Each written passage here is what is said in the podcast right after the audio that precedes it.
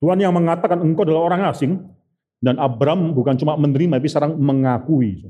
So, etika Kristen bukan etika yang cuma niru-niru, saudara. Etika Kristen bukanlah etika yang cuma mendapatkan, menerima, tidak. Tapi etika Kristen adalah etika yang confess, yang mengakui. Saudara kita mendidik anak kita, generasi-generasi di bawah kita untuk percaya kepada Tuhan, untuk beriman kepada Tuhan. Semua tidak ada gunanya kecuali sampai suatu hari mereka confess, mengaku bahwa itulah iman yang mereka terima. Itulah iman yang mereka percayai. So, betapa sukacita besar dalam hidup daripada seorang tua ketika melihat bahwa apa yang diajar pada suatu hari keluar dari mulut bibir anaknya sendiri. Yang mengakui bahwa dia memiliki iman yang dipercaya oleh orang tuanya tersebut. So, itulah etika Kristen. Kita bukan hanya mengatakan kita adalah orang musafir. Akuilah dalam hidupmu, memang kita adalah orang musafir. Roma pasal 10 ayat ke-9. Sebab jika kamu mengaku dengan mulutmu bahwa Yesus adalah Tuhan dan percaya dalam hatimu bahwa Allah telah membangkitkan dia dari antara orang mati, maka kamu akan diselamatkan. So, di sini saudara kata mengaku itu dalam Roma pasal 10 ayat 9 dengan Ibrani pasal 11 ayat 13 itu sama kata dasarnya. Seakan ini menunjukkan suatu public declaration ketika kita mengakui bahwa kita adalah orang sojourner, orang asing dan pendatang. Saya mau tanya, Siapa di antara kita, sekitar kita, keluarga kita kah, orang-orang tempat kerja kita kah, atau orang-orang sekitar kita di kompleks rumah kita yang tahu bahwa kita adalah orang musafir.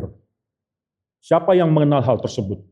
Jadi ketika dia melihat rumah kita, dia pikir bahwa kita sedang mendirikan kerajaan dalam dunia ini.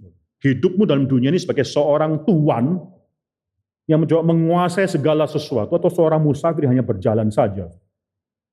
Abraham sekali lagi tidak dipanggil untuk mendirikan kota, saya yakin Abraham bisa mendirikan kota. Dia qualified, more than qualified. Tahun 1970-an ketika arkeologi menemukan kota kemungkinan yang mereka pikirkan Sodom. Saudara, Sodom bukan suatu kota yang berpuluh-puluh ribu orang di dalamnya. Tidak, saudara. Saya cukup kaget ketika membaca data ini. Karena Sodom adalah kota yang kecil. Kira-kira mungkin 1.200 orang di dalamnya dalam kejadian pasal 14 ketika Abraham mau berperang dengan empat kerajaan di bawah kedalaman tersebut daripada Mesopotamia. Surat dia dikatakan bahwa dia mengerahkan 318 orang yang sudah dilatih di dalam keluarganya, yang lahir dalam keluarganya. Bukan yang dia dapatkan, yang lahir dalam keluarganya. Yang sudah dilatih untuk perang. Mungkin orang yang berumur 20 tahun yang ke atas. Saya pernah mengkira-kira besarnya keluarga Abraham itu kira-kira mungkin 1.500 orang. Dia layak dan dia berhak untuk mendirikan kota dia tidak pernah mendirikan kota karena dia dipanggil untuk menjadi musafir.